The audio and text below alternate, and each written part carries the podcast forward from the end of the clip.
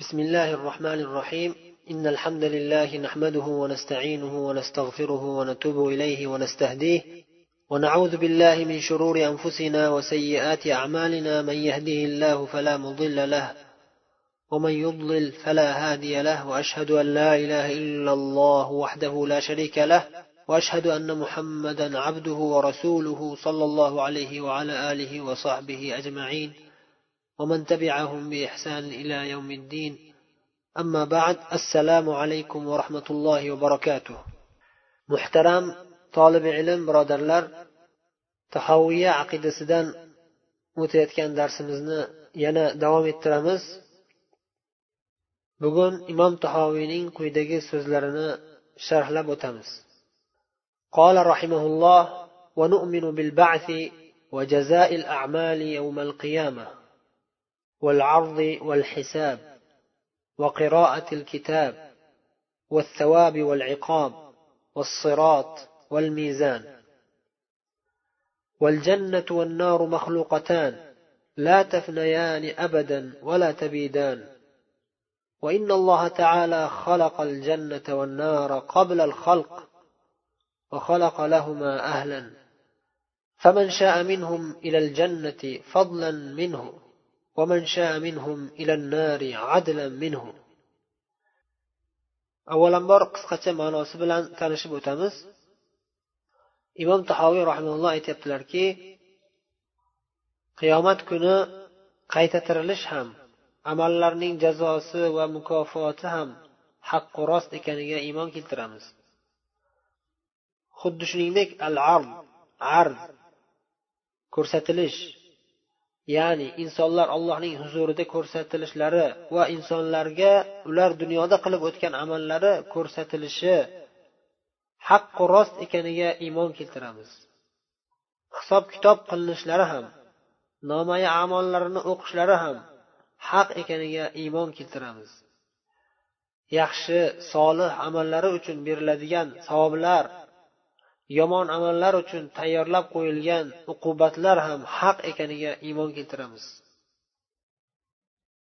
Yana assirot do'zax ustidagi ko'prik va al mizan amallarni o'lchaydigan tarozi ham haqqu rost deb iymon keltiramiz. Jannat va do'zax har ikkalasi ham yaratib tayyorlab qo'yilgan deb iymon keltiramiz. Jannat ham do'zax ham abadul abad davom etadi. Hech qachon foniy bo'lmaydi hech qachon yo'q bo'lib ketmaydi. Alloh taolo jannat va do'zaxni haloyiqlarni yaratishdan oldin ya'ni insonu jinlarni yaratishdan oldin yaratib jannat va do'zaxni haloyiqlarni yaratishdan oldin yaratib qo'yganligiga ham iymon keltiramiz. Jannatga jannat ahlini do'zaxga do'zax ahlini ham yaratgan. Alloh taolo bandalardan xohlaganini o'zining fazlu marhamatiga binoan jannatga kirgizadi. Yana boshqa xohlagan bandalarini o'zi o'z adolatiga binoan do'zaxga kirgizadi. Endi sharhga o'tamiz. Imom tahoviy rahimaulloh bu yerda qiyomatga taalluqli bir necha masalalarni qiyomat kuni ro'y beradigan voqealarni qisqa suratda zikr qildilar. Qiyomat kuni ro'y beradigan asosiy masalalar. Birinchisi qayta tirilish ikkinchisi amallarning jazo va mukofoti. Jazo kalimasi arab tilida ikki xil ma'noda keladi. Jazo ya'ni mukofotlash yaxshi amallarga yaxshi jazo mukofot berish yomon amallarga yomon jazo uqubat azob bo'lishi. Jazo. Uchinchi masala al arz arz ko'rsatilish. To'rtinchi masala hisob kitob. Beshinchi masala nomai amolni o'qish. Oltinchi masala savob ne'matlar uqubatu azoblar. Yettinchi masala as sirot ko'prik ya'ni sakkizinchi masala al mizan tarozi. To'qqizinchi masala jannat. Va do'zax yaratib qo'yilgan tayyor qilib qo'yilganligi. O'ninchi masala jannat va do'zaxning abadiyligi. O'n birinchi masala insonu jinlardan oldin yaratilganligi jannat va do'zax. O'n ikkinchi masala jannat ahlini va do'zax ahlini ham yaratganligi.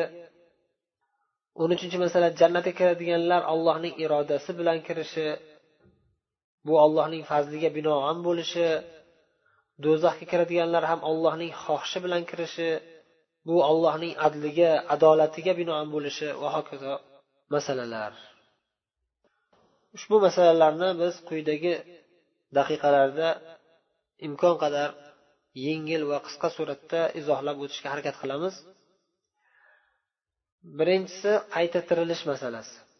Alloh azza va jalla barcha haloyiqni qiyomat kuni qaytadan tiriltirishi haqqi rost ekanini qur'oni karimning juda ham ko'p oyati karimalarida eslatgan. Rasululloh sollallohu alayhi vasallam ham mutavotir hadisi shariflarda qayta tirilishimizni eslatib qiyomatga doimo tayyor turishimizga da'vat qilganlar. Qayta tirilishga iymon keltirish iymon rukunlaridan biri ekanini har bir musulmon kishi yaxshi bilib iymon keltiradi.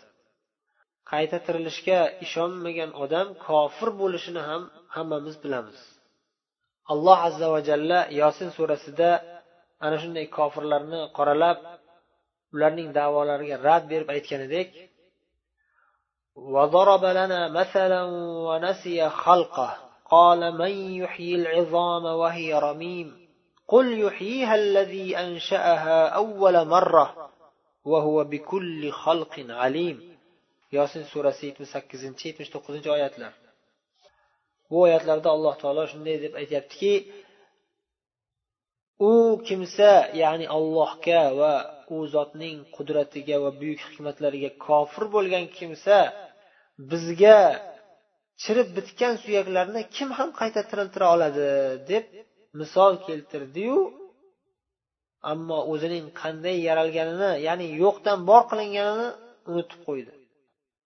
Qul ayting ey rasululloh sollallohu alayhi vasallam u chirigan suyaklarni dastlab yo'q narsadan bor qilib paydo qilgan zotning o'zi qayta tiriltirur. U o'zi yaratgan barcha xalqni maxluqlarni bilib turuvchi zotdir. Alloh azza va jalla hech narsa bo'lmaganda hech narsa yo'q bo'lganda maxluqotlarni yo'qdan bor qilib yaratyapti yo'qdan bor qilib yaratgan zotga bir narsani o'ldirib chiritib qaytadan tiriltirish juda ham oson juda ham yengil oddiy haqiqat. Shu haqiqatni esidan chiqarib kofir kimsalar chirib ketgan suyaklarni yo'q bo'lib ketgan suyaklarni kim ham tiriltira oladi kim ham tiriltira olardi? deb inkor qiladi. Ikkinchi masala amallarning jazo va mukofotlari. Bu haqiqat ham qur'on hadisda takror takror ta'kidlangan. Toki odamlar bu dunyoda fursatni g'animat bilib solih amallar qilib olishlari uchun yomon amallarning jazosidan omonda bo'lishlari uchun undan uzoq bo'lishlari uchun amallarga jazo bo'lishini takror takror eslatilgan. alloh subhanahu va taolo anom surasining bir yuz oltmishinchi oyatida marhamat qiladiki من جاء بالحسنة فله عشر أمثالها ومن جاء بالسيئة فلا يجزى إلا مثلها وهم لا يظلمون kim biron hasana chiroyli amal qilsa unga o'n barobar qilib hasanotlar berilur kim biron yomon ish qilsa faqat o'shaning barobarida jazolanur va ularga zulm qilinmas Allohning marhamati shundayki bitta solih amal yaxshi amal qilsangiz alloh sizga o'n barobar savob beradi. Mukofotlar beradi. Ammo lekin bitta gunoh ish qilib qo'ysangiz o'n barobar qilmaydi. Faqat bitta gunohga bitta jazo yoziladi. Uchinchi masala al ard ya'ni ko'rsatilish ro'baro qilinish qiyomat kunidagi holatlardan yana ikkitasi barcha haloyiqlarni allohning huzurida tik turg'izilib alloh taologa ro'baro qilinishidir. Va inson jinlarga ular bu dunyoda qilib o'tgan amallarini ko'rsatilishi. Alloh azza va jalla kahf surasining qirq yettinchi va qirq sakkizinchi oyatlarida xabar berib aytadiki ويوم نسير الجبال وترى الأرض بارزة وحشرناهم فلم نغادر منهم أحدا وعرضوا على ربك صفا لقد جئتمونا كما خلقناكم أول مرة الآية biz tog'larni yurgizadigan va siz ya'ni insonlar barchangiz yerni ochiq yalang'och ya'ni tog' toshlarsiz bog' rog'larsiz ko'radigan kunni ya'ni qiyomatni eslangiz. U kunda biz ulardan ya'ni haloyiqlardan birontasini qo'ymay yig'dik. Ya'ni albatta yig'ajakmiz degan. Ular saf tortgan hollarida parvardigoringizga ro'baro qilindilar. Ya'ni albatta ro'baro qilinadilar shak shubhasiz. Va biz ularga aytdik ya'ni aytamizki mana sizlarni avval boshda qanday yaratgan bo'lsak shunday holda ya'ni mol dunyo bola chaqalaringizni tark qilib yalang'och holingizda huzurimizga keldingiz deb alloh taolo xabar beradi. Demak bu yerda insonlar va hatto jinlar alloh taologa ro'baro qilinib ko'rsatilishlari haqida alloh xabar berdi. Endi amallarni egalariga ya'ni amallarni bajargan odamlarga o'zlarining amallarini ko'rsatilishi haqida ham alloh xabar berib aytadiki يوم تجد كل نفس ما عملت من خير محضرا وما عملت من سوء تود لو أن بينها وبينه أمدا بعيدا oli imron surasi o'ttizinchi oyat har bir jon o'z qilgan yaxshi amallarini hoziru nozir holda ko'radigan yomon yomon amallarining esa olis olislarda qolib ketishini istaydigan lekin yaxshi yomon amallarni oldida hozir holatda ko'radigan kunni eslanglar. Alloh sizlarni o'zining azobidan ogoh qilur. Olloh bandalariga mehribondir. Mehribonligi uchun oldindan eslatib nasihat qilib da'vat qilib qo'yibdi muttafaqun alayh hadisda rasululloh sollallohu alayhi vasallam ham xabar berib aytadilarki ما منكم من أحد إلا سيكلمه ربه ليس بينه وبينه ترجمان فينظر أيمن منه فلا يرى إلا ما قدم وينظر أشأم منه فلا يرى إلا ما قدم وينظر بين يديه فلا يرى إلا النار تلقاء وجهه فاتقوا النار ولو بشق تمرة sizlarni har biringizni alloh taolo uning parvardigori olloh o'zi suhbatga tortadi u inson bilan ollohni orasidagi suhbatda hech qanday tarjimon ham bo'lmaydi yakkama yakka alloh taolo uni so'roqqa tutadi. O'ng tarafiga qarasa o'zi qilgan amallardan boshqa hech narsani ko'rmaydi. Chap tarafiga qarasa ham qilgan amallaridan boshqa hech narsa ko'rmaydi. Hamma qilgan ishlari hisob kitob qilinib tayyor qilib oldiga ko'rsatilib qo'yilgan oldiga qarasa oldida do'zaxdan boshqa ro'barasida oldida ko'z o'ngida do'zaxdan boshqa olovdan boshqa hech narsani ko'rmaydi. Hamma qilgan amallari ham ko'rsatiladi. Hech qayerga qochib ketolmaydi. Oldida do'zax. Bas. Do'zaxdan qattiq taqvo qilinglar qo'rqinglar. Hozirdan qo'rqib ehtiyot choralarini ko'ringlar. Bir dona xurmoning yarmini qilib yarmini sadaqa qilib bo'lsa ham o'zinglarni do'zaxdan qutqaringlar degan ma'noda rasululloh sollallohu alayhi vasallam ogohlantirib xabar berib qo'ydilarki qiyomatda barcha amallaringiz ko'z o'ngingizga qo'yib ko'rsatiladi. Nima ish qilgan bo'lsangiz bu dunyoda hammasi yozib hisob kitob qilib turiladi qiyomat kuni ko'rsatiladi sizga. Ummul mo'minin oyisha onamiz rivoyat qilgan hadisda rasululloh sollallohu alayhi vasallam aytadilarki laysa ahadun yuhasabu yawmal qiyamah illa halak. فقالت أم المؤمنين عائشة رضي الله عنها يا رسول الله أليس قد قال الله فأما من أوتي كتابه بيمينه فسوف يحاسب حسابا يسيرا وينقلب إلى أهله مسرورا فقال رسول الله صلى الله عليه وسلم إنما ذلك العرض وليس أحد يناقش الحساب يوم القيامة إلا عذب. متفق عليه. رسول الله صلى الله عليه وسلم كي قيامت كنا كم كي خصاب كتاب قلنا ديوان موسى حقيقة خصاب كتاب قلنا ديوان موسى ودار حقيقة حلاك بولاد دوزاك كتشوكي تقلد يعني شندا أم المؤمنين عائشة أنا مستورد لكي ey rasululloh alloh azza va jalla qur'onda aytib qo'yganku kimki unga uning kitobi o'ng tarafidan berilsa darhaqiqat u odam yengil hisob kitob qilinadi deb. Va natijada o'zining ahli qarindoshlariga xursand bo'lgan holatda qaytadi ya'ni jannatga kiradi. Ahli oilasiga qarindoshlariga mo'min qarindoshlariga qo'shilib jannatga kiradi degan ma'noda alloh taolo qur'onda aytib qo'yganku ya'ni hisob kitob qilinadiku bu ham. Lekin do'zaxga ketmayaptiku halokatga ketmayaptiku hisob kitob qilingandan keyin degan ma'noda so'radilar oysha onamiz rasululloh sollallohu alayhi vasallam hadislarini to'la tushunmaganliklari uchun.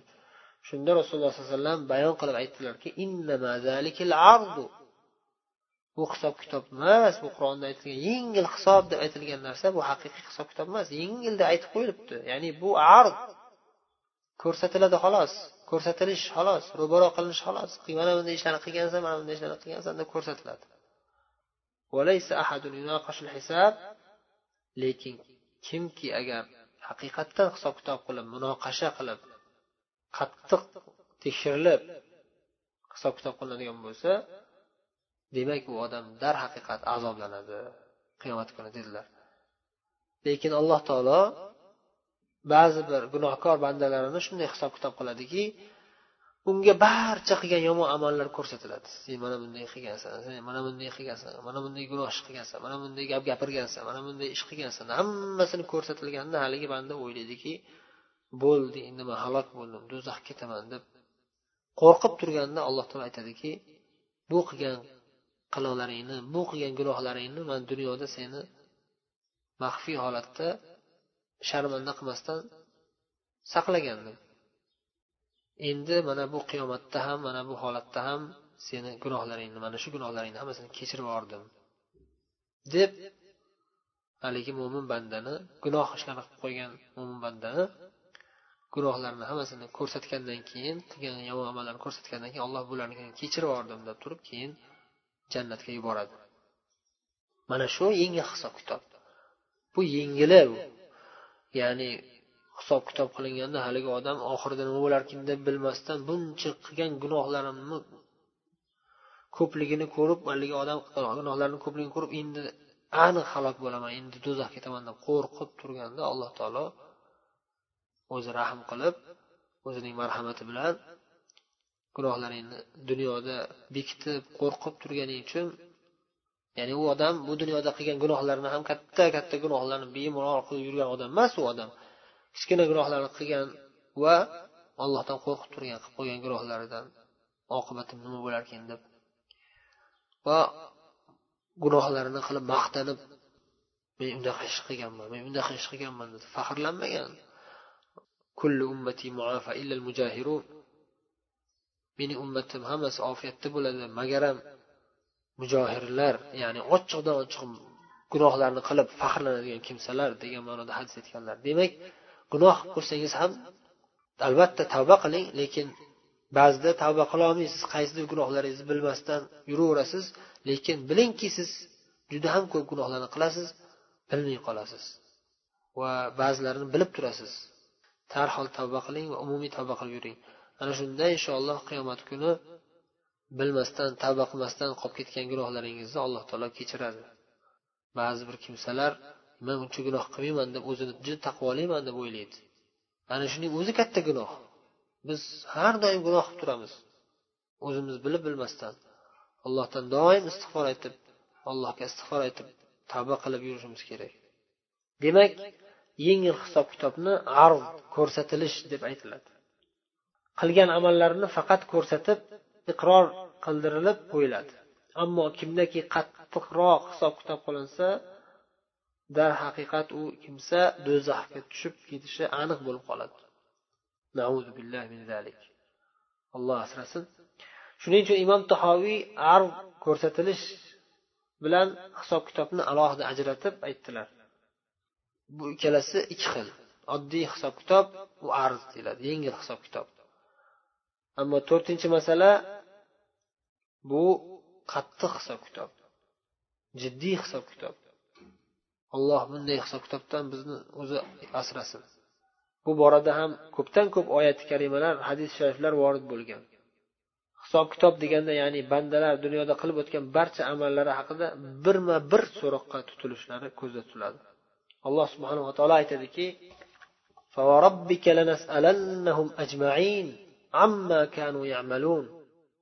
parvardigoringiz nomiga qasamki ularning barchalaridan qilib o'tgan ishlari amallari haqida albatta so'raymiz deb alloh taolo qasam ichib aytyapti. Qo'rqib turishimiz kerak mana shunday oyatlarni o'qib biz alloh taolodan qo'rqib alloh taologa iltijo qilib doimo istig'foru tavbalar qilib turishimiz kerak. Beshinchi masala nomai amollarni o'qish. alloh taolo isro surasining o'n uchinchi va o'n to'rtinchi oyatida وكل إنسان ألزمناه طائره في عنقه ونخرج له يوم القيامة كتابا يلقاه منشورا اقرأ كتابك كفى بنفسك اليوم عليك حسيبا بس حار بر إنسان عملنا إلي إلب قويجاندرمز ya'ni uning qilgan har bir amali ikki olamda unga ajralmas hamroh bo'lur. Biz qiyomat kuni unga ochiq holda ro'baro bo'ladigan bir kitobni ya'ni nomai amolini chiqarib ko'rsaturmiz. Va unga aytilurki nomai amolingni o'qi bugun o'z nafsing o'zingga qarshi yetarli hisobchidir. Yana yetmish birinchi oyatida ham marhamat qiladiki فمن أوتي كتابه بيمينه فأولئك يقرؤون كتابهم ولا يظلمون فتيلا biz har bir odamni o'z nomai amoli bilan chorlaydigan qiyomat kunini eslangiz bas kimgaki o'z kitobi nomai amoli o'ng qo'lidan berilsa ana o'sha kishilar o'zlariga qilchalik zulm qilinmagan holida nomay amollarini o'qirlar. Ya'ni unda bu dunyoda qilib o'tgan barcha yaxshi amallarning savobi bitilgan bo'ladi shuni ko'radilar. Qolgan yomon qilgan amallarini esa o'chirib tashlangan bo'ladi tavba qilganliklari uchun yoki allohning o'zi marhamati kengligidan oltinchi masala savob va uqubat masalasi. Bu yerda imom tahoviy bandalar dunyoda qilayotgan ikki turli amallariga yarasha ikki turli jazo bo'lishini zikr qilib o'tyaptilar. Birinchisi yaxshi amallarga allohning rozi qiladigan ibodatlariga savoblar bo'lishi. Savoblar deganda olloh beradigan barcha ne'matlar va shodliklar ko'zda tutiladi. Ularning eng ulug'i allohning rahmati jannati rizosi jannat ahliga bo'ladigan ikromi alloh azza va jalla qur'oni karimda o'zi bashorat berib aytganidek الذين آمنوا وهاجروا وجاهدوا في سبيل الله بأموالهم وأنفسهم أعظم درجة عند الله وأولئك هم الفائزون يبشرهم ربهم برحمة منه ورضوان وجنات لهم فيها نعيم مقيم خالدين فيها أبدا إن الله عنده أجر عظيم tavba surasi yigirmanchi yigirma birinchi yigirma ikkinchi oyatlar iymon keltirgan hijrat qilgan va alloh yo'lida molu jonlari bilan jihod qilgan kurashgan zotlarning alloh nazdidagi darajalari juda ulug'dir va o'shalar baxt saodatga erishuvchidirlar Parvardigorlari ularga o'z tarafidan rahmat va rizolik hamda ular uchun bo'ladigan jannatlar xushxabarini berurki u jannatlarda ularga doimiy ne'matlar bordir. Ular o'sha joylarda abadiy qolurlar. Darhaqiqat faqat ollohning huzuridagina ulug' ajr bordir. Demak yaxshi amallarga solih amallarga atab qo'yilgan savoblar mukofotlar haqiqat. Buning muqobilida yomon amallarga gunohlarga kufru shirklarga atab qo'yilgan jazo uqubatlar ham haqiqat. Yettinchi masala as sirot ko'prik masalasi. Qiyomat kuni mahshar maydonidan jannatga o'tib olish uchun avval jahannam tepasidan o'tish lozim. Darkor. Barcha haloyiq baribir jahannam tepasidan o'tishga majbur. Boshqa yo'l yo'q. Jahannam tepasida alloh azza va jalla maxsus ko'prik yaratib qo'ygan. Bu ko'prikning ustidan inson qancha tezroq o'tsa jahannamning alangasi uni shuncha kamroq uradi. Ammo bu ko'prikning ustidan tezroq o'tish jismoniy chaqqonlikka bog'liq emas. Balki dunyoda qilib o'tilgan amallarga bog'liq. Dunyo hayotini yolg'iz allohga ibodat qilish bilan solih amallar bilan o'tkazgan mo'minlargina bu ko'prik ustidan tezda o'tib keta oladilar. Ularning ham tezliklari bir necha darajali bo'ladi. Rasululloh sollallohu alayhi vasallam sahih hadisda xabar berib aytganlaridek ba'zilari ko'z yumib ochilishidan ko'ra tezroq o'tib ketadilar. Ulardan sal sekinroq o'tadiganlar chaqmoq chaqqanday tezlik bilan o'tadilar. Ulardan sekinroq o'tadigan mo'minlar shamol tezligiday o'tib ketadilar. Ulardan keyingi darajali mo'minlar eng tez yuradigan eng tez yuguradigan otlarning tezligiday bo'ladi o'tishlari. Va hokazo iymon va yaxshi solih amallar kamaygan sari xatar va dahshat kuchayib boradi. Oxiri hatto ko'prik ustidan o'tolmasdan jahannamga qulab ketadiganlar jahannamga qulab ketadi.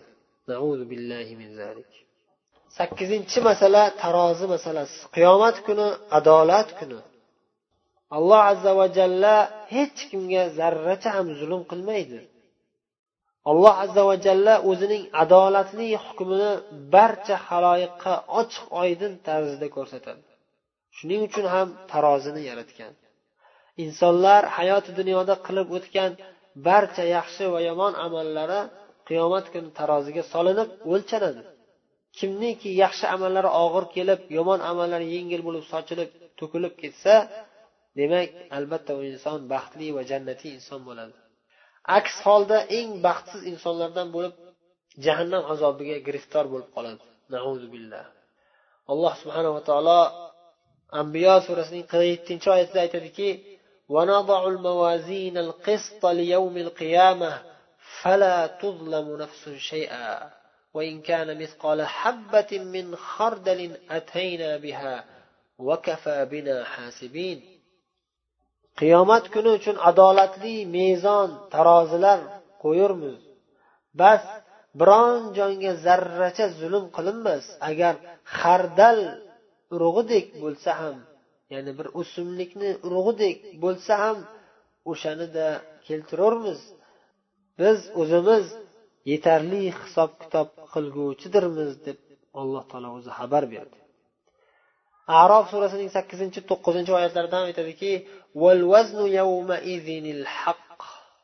فمن ثقلت موازينه فأولئك هم المفلحون ومن خفت موازينه فأولئك الذين خسروا أنفسهم بما كانوا بآياتنا يظلمون amallarni to'g'ri tortishlik o'sha kuni bo'lur haqiqiy mezon haqiqiy adolat ana shu kuni bo'ladi bas kimning tortilgan yaxshi amallari og'ir kelsa ana o'shalar najot topguvchidirlar Kimning tortilgan yaxshi amallari yengil bo'lsa juda kam amal qilgan yoki amal qilgan bo'lsa ham xolis qilmagan bo'lsa yengil bo'lib e'tiborsiz bo'lib qolsa bas ular bizning oyatlarimizni inkor qilish bilan zulm qilib o'tganlari sababli o'zlariga ziyon qilgan kimsalardir.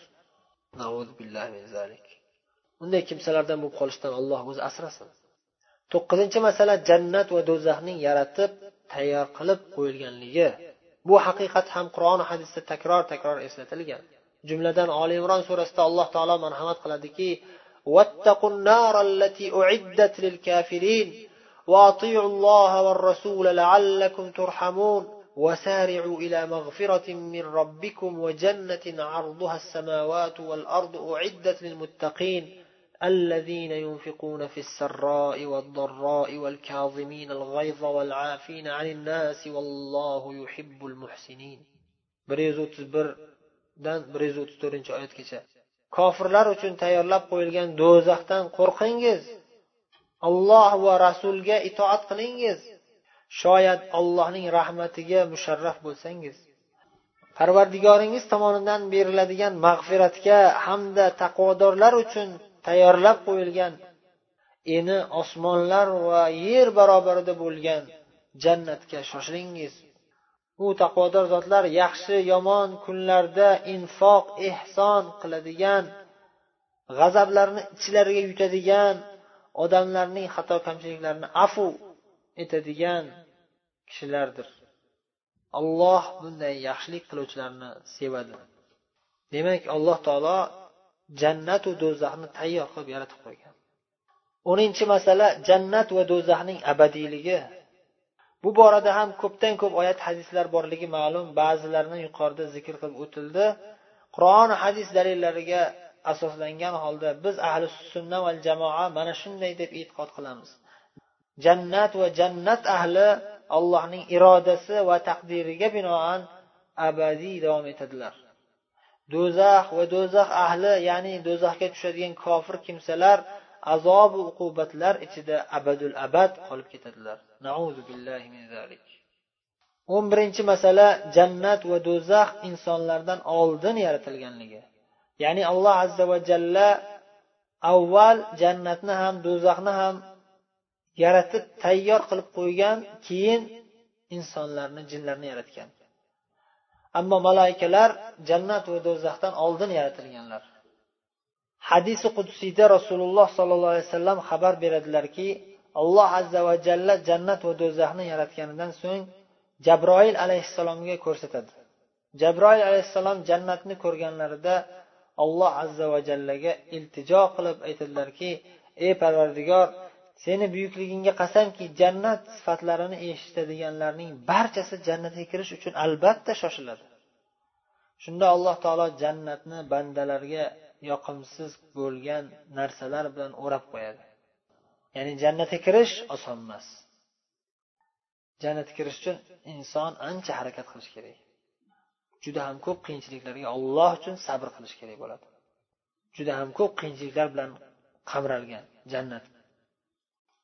Shunda alloh taolo jabroil alayhissalomga buyuradiki endi qaytadan borib qaragin jannatga. Jabroil alayhissalom jannat atrofiga o'ralgan narsalarni ko'rganlaridan so'ng allohga iltijo qilib aytadilar ey parvardigor seni buyukligingga qasamki endi jannatga hech kim kirolmay qolarmikin? deb qo'rqyapman deydilar. Do'zaxni ko'rganlarida esa buning aksi bo'ladi.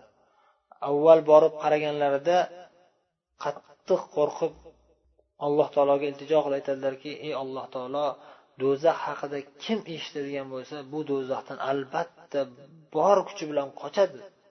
Umuman do'zaxga yaqinlashmaydi. deganlarida alloh taolo do'zaxni keyin shahvatlar bilan havoyi nafsga yoqadigan narsalar bilan o'rab qo'yadi. Keyin borib ko'rgin deydi alloh taolo jabroil alayhissalomga.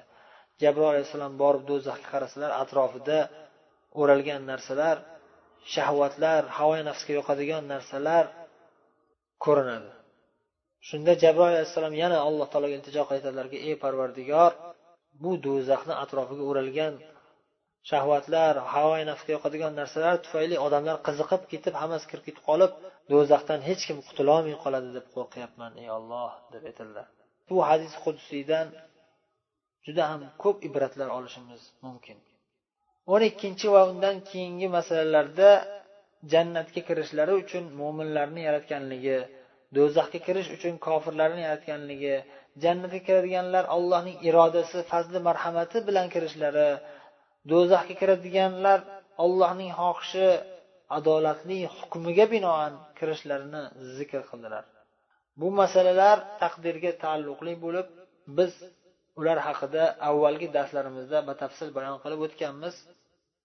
shuning uchun qayta takrorlab sharhlab o'tirmaymiz bugun shu bilan kifoyalanamiz keyingi darsda uchrashguncha xayr والله أعلم وصلى الله وسلم على نبينا محمد وعلى آله وصحبه أجمعين ومن تبعهم بإحسان إلى يوم الدين والسلام عليكم ورحمة الله وبركاته